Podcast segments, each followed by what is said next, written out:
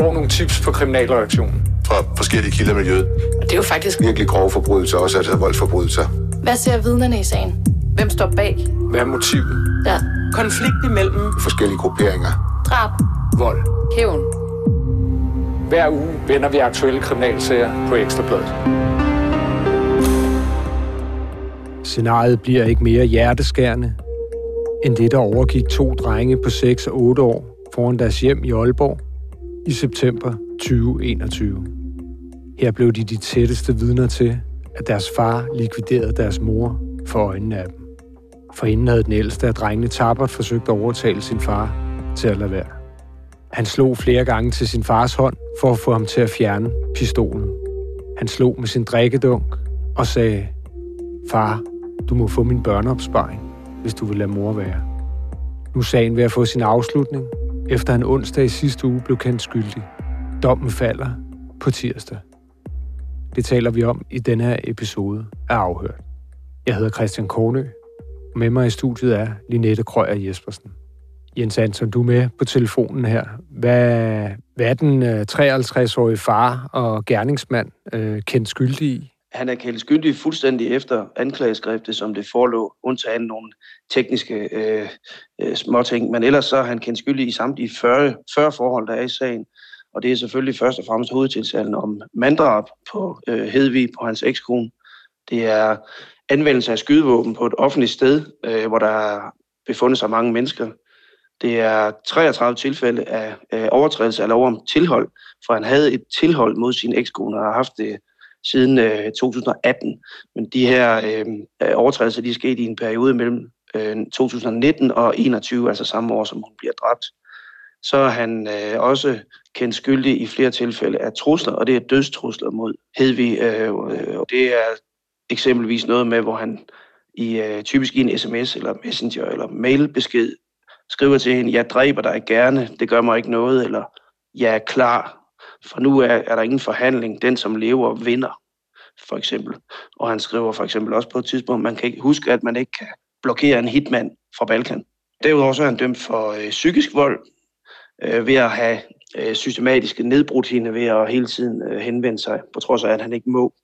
Og så er der så et, et, et sidste forhold, som egentlig ikke øh, har den store betydning i den store sammenhæng, nemlig for et enkelt tilfælde af spirituskørsel. Men altså 40 tilfælde øh, har han været tiltalt for, han er dømt, eller undskyld, han er ikke dømt endnu, men han er i hvert fald kendt skyldig i dem alle sammen. Det er godt nok også øh, ja, uhyggelige sager med, med, med den type trusler. Altså, det kan man jo godt sætte sig ind i, må være nedbrydende for, for enhver at få, få den slags at vide. Det må vi sige. Nu var Christian jo i introen inde på, hvordan hendes børn prøvede at beskytte hende mod faren. Hvordan er det at sidde i retten og høre det beskrevet? Ja, det, det er jo lidt, øh, hvor hårene rejser sig lidt på armene. Øh, det er jo hjerteskærende at øh, forestille sig to små børn, der står der ved siden af deres mor. Og den ene, det er jo sådan 8-årig, den ældste af de to drenge. Det er trods alt nogle små børn, øh, som forsøger at igennem flere minutter få sin far til at flytte den her pistol, som han mange gange tager op imod hendes hoved.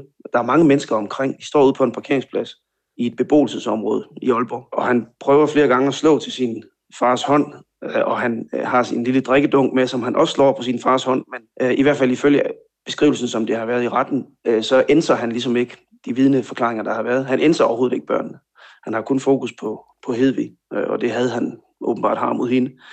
På et tidspunkt, der siger den øh, 8-årige, det er ret kort tid før, at han tager ladegreb på den her pistol, der siger han til ham, far, øh, du må få min børneopsparing, hvis du vil lade mor være. Men det gør han så ikke. Og hvad jeg også bider mærke i, at gerningsmanden han siger til Hedvig, at der er ingen vej tilbage. Det virker meget målrettet. Ja, det virker meget målrettet, og, og det gør det også øh, ifølge de vidner, der har været tæt på.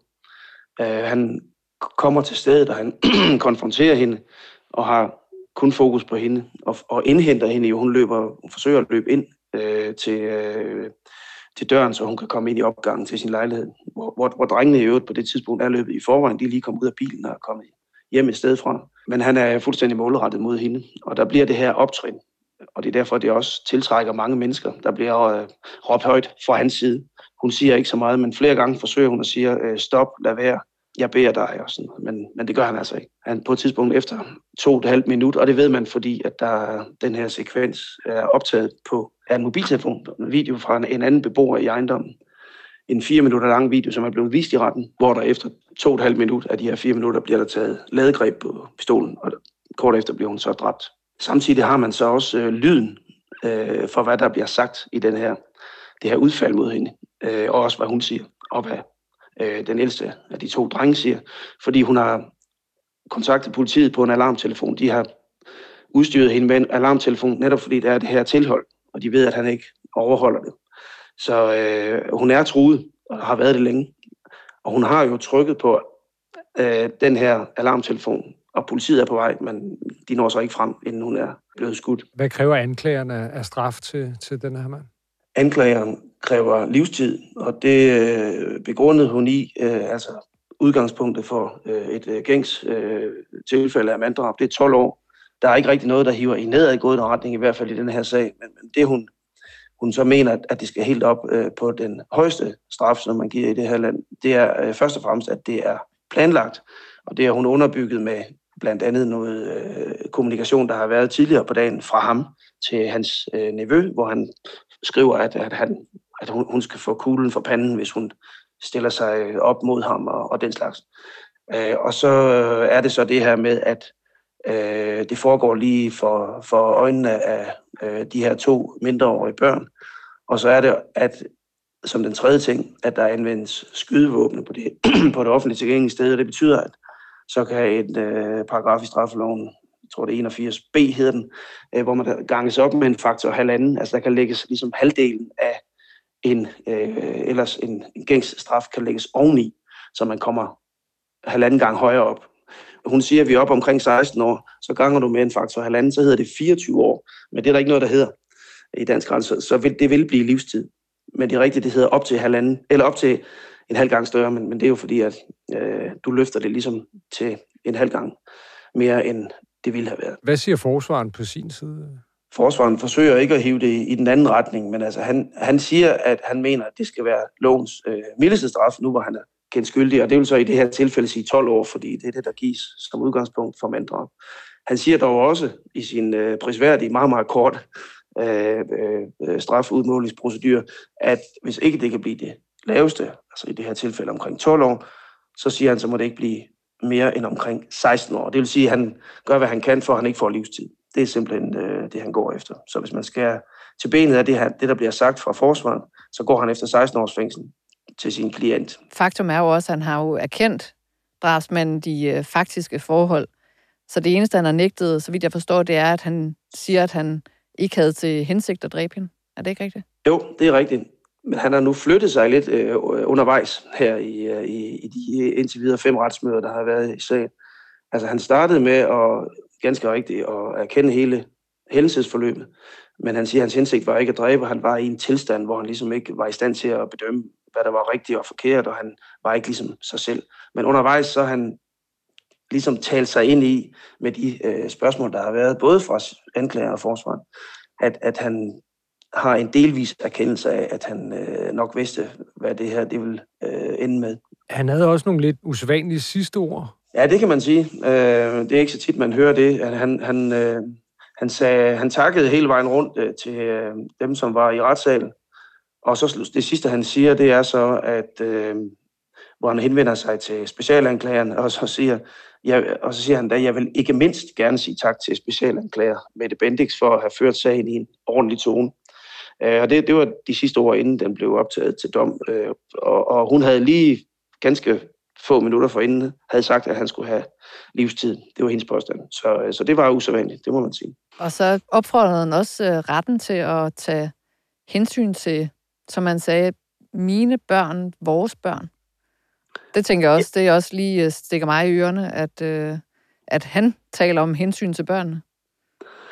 Ja, det kan man jo tolke. Det skal jeg jo ikke øh, kloge mig på, hvad han tænker der, men må ikke det er ham selv, han også øh, tænker på, at han mener, at, at de har jo stadigvæk en far, uanset om man sidder i fængsel eller ej. Så han gør selvfølgelig, hvad han kan for ikke at få øh, lovens strengeste straf, nemlig livstid, som anklageren går efter. I sager om drab og alvorlig personfarlig kriminalitet, så bliver der jo sådan per default lavet en mentalundersøgelse. Det går jeg ud fra, at det også er tilfældet her. Hvad siger den? Mentalerklæringen i sagen, den konstaterer, at han øh, ikke har været psykotisk, hverken før eller efter, eller på gerningstidspunktet. Hvis man lige skal tage de personlige forhold med i det, så er han øh, han er opvokset i trygge familieforhold i Bosnien. Han er, han er bosnisk krigsflygtning og kom til Danmark for 30 år siden, og er dansk statsborger i dag. Men han, øh, det eneste, man kan sige, der ligesom stikker lidt ud i forhold til en helt fuldstændig normal mental erklæring på en person, det er, at han har øh, højere tanker om sig selv end, end gennemsnittet. Øh, og han er, og det, det kan man sige, det taler ind i den her sag, han er tilbøjelig til ansvarsfralæggelse, og han er tilbøjelig til at fralægge sig skyld. Altså, jeg har jo også selv talt med en nær arbejdskammerat øh, til ham, som jo var meget overrasket over, at han øh, blev sigtet for drab. Altså han fortalte jo en historie om en meget arbejdsom mand. Han er jo far til fem børn, altså tre ud over de to, som han havde med Hedvig.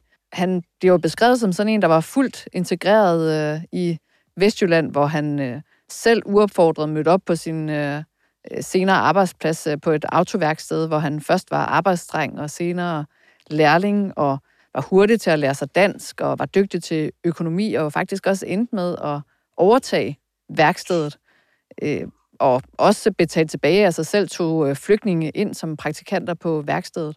Så sådan et rigtig godt forbillede for, hvordan man integrerer sig i Danmark, er i hvert fald det, som arbejdskammeraten han har beskrevet. Og så måtte han sådan for en 4-5 år siden sælge sit værksted, fordi han fik øh, eksem, og derfor ikke kunne udføre sit arbejde. Og derefter har han så arbejdet lidt som montør og tømmer øh, for et byggefirma. Men det, som arbejdskammeraten han også øh, fortalte, det var, at han øh, ikke så ham som sådan en privat ven.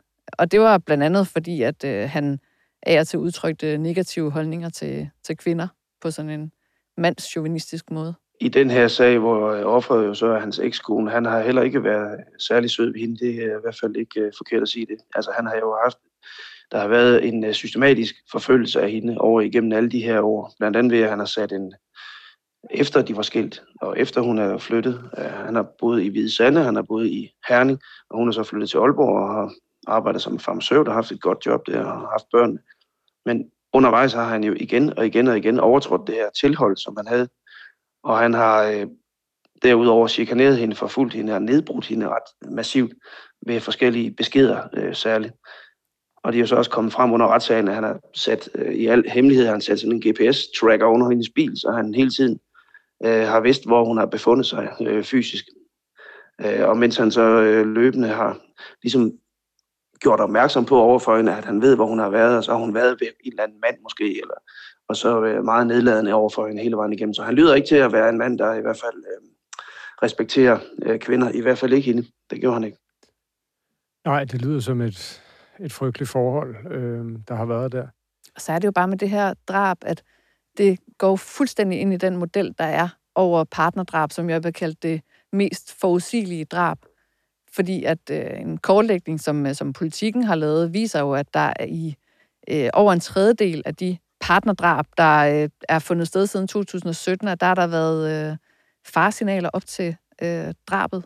Altså i en tredjedel af de her drabsager. Og i gennemsnit så bliver 12 kvinder årligt dræbt af deres øh, partner eller ekspartner. Altså det er cirka øh, hver fjerde drab i Danmark.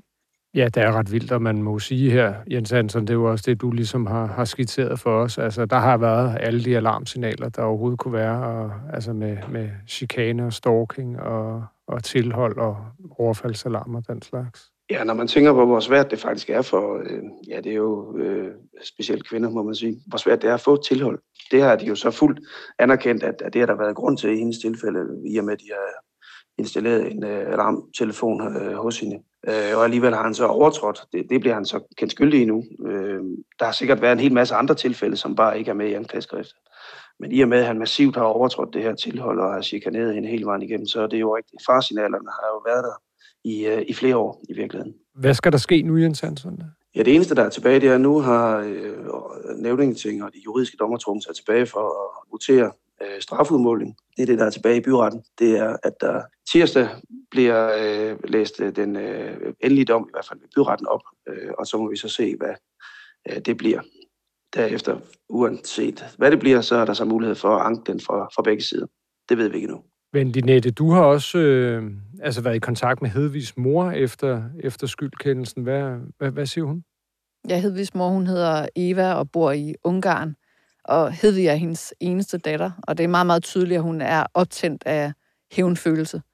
Altså hun øh, siger, altså koster det virkelig kun 16 år at tage en mors liv, en datters liv, som hun øh, siger. Altså man forstår også godt, hvordan hun har det med. Altså hun vil jo ønske, at øh, han kunne få dødstraf, eller som hun siger, at der er nogle andre, der vil øh, slå ham ihjel, som han slog hendes datter ihjel. Og så spurgte jeg jo også til det der med, at, øh, at datterens drabsmand i sin sidste ord sagde det her med, at dommen også skal tage hensyn til de efterladte, altså som han sagde, vores børn, mine børn. Og så siger hun bare, altså, at han plejede jo aldrig at tænke på drengene. Og hvis han gjorde det, så ville han heller ikke ønske at dræbe deres mor. Jens Hansen, du skal have tak, fordi du var med os her på, på telefonen. Selv tak. Og I skal have tak, fordi I lyttede med, og tak til Rasmus Søgaard for at producere programmet.